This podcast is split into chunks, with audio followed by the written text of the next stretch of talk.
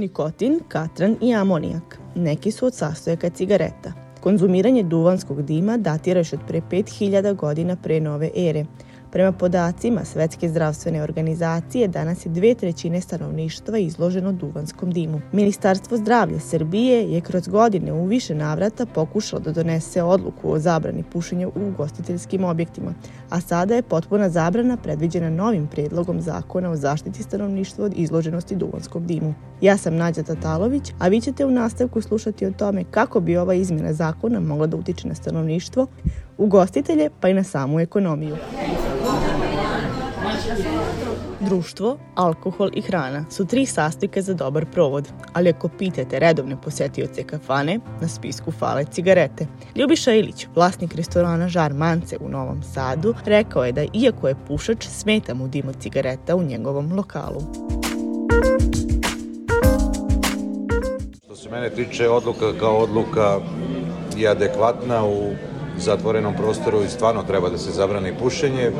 Što se posla tiče, verovatno će biti malo oscilacije dok se narod privikne, ali sve u svemu bit će to sve u redu. A pozitivne strane su te da će konobari malo manje da čiste piksle, odnosno neće imati toliko posla oko pušača, a negativne bit će malo manje posla dok, opet kažem, se ne priviknu mušterije koji su pušači. Tako da to će ja mislim u roku, kratkom roku da se to sve svede na minimum. Pa ima mogućnosti da mogu da proširim za pušače deo, ali to ću da razmišljam ako već bude sve kako treba. Pitali smo sugrađane šta misle o ovoj odluci, kao i da li bi ona mogla da promeni njihov status iz pušača u nepušača.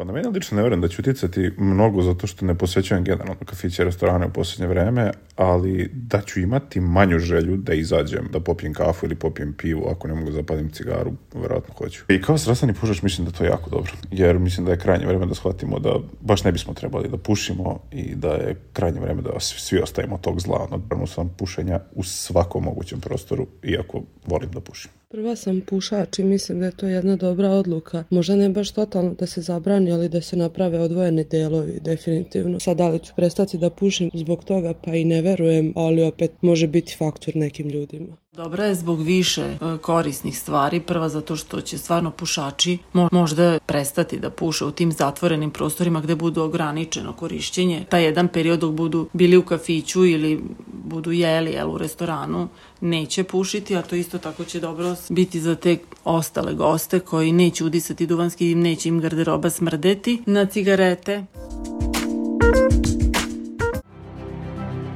Udisanjem dima kao aktivni ili pasivni pušač štetimo našem organizmu. Doktorka Vanja Tatalović smatra da bi ova odluka doprinela u smanjenju broja pušača, a samim tim i u smanjenju broja obolelih od plućnih bolesti.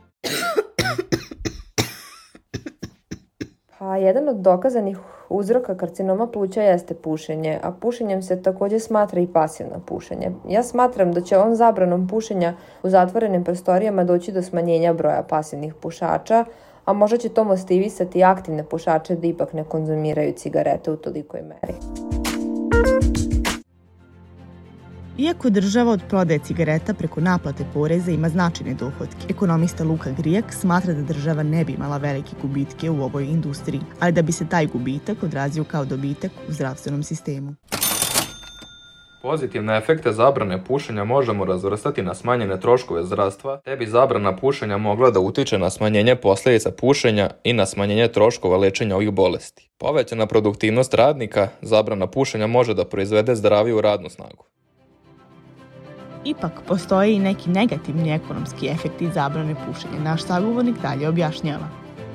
Postoje i neki negativni ekonomski efekti zabrane pušenja, kao što su smanjenje prihoda u ugostiteljskih objekata, gubitak poslova, jer postoje gostiteljski objekti koji su u velikoj meri zavisni od pušača, mogu da dođu u situaciju da otpuste radnu snagu ili čak duga da se poslovanje u potpunosti.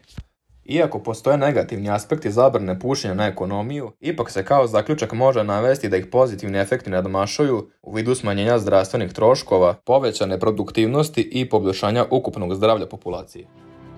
Kao i u svakoj priči i ovde imamo dve strane, pušači i nepušači. Znamo koje su čije želje.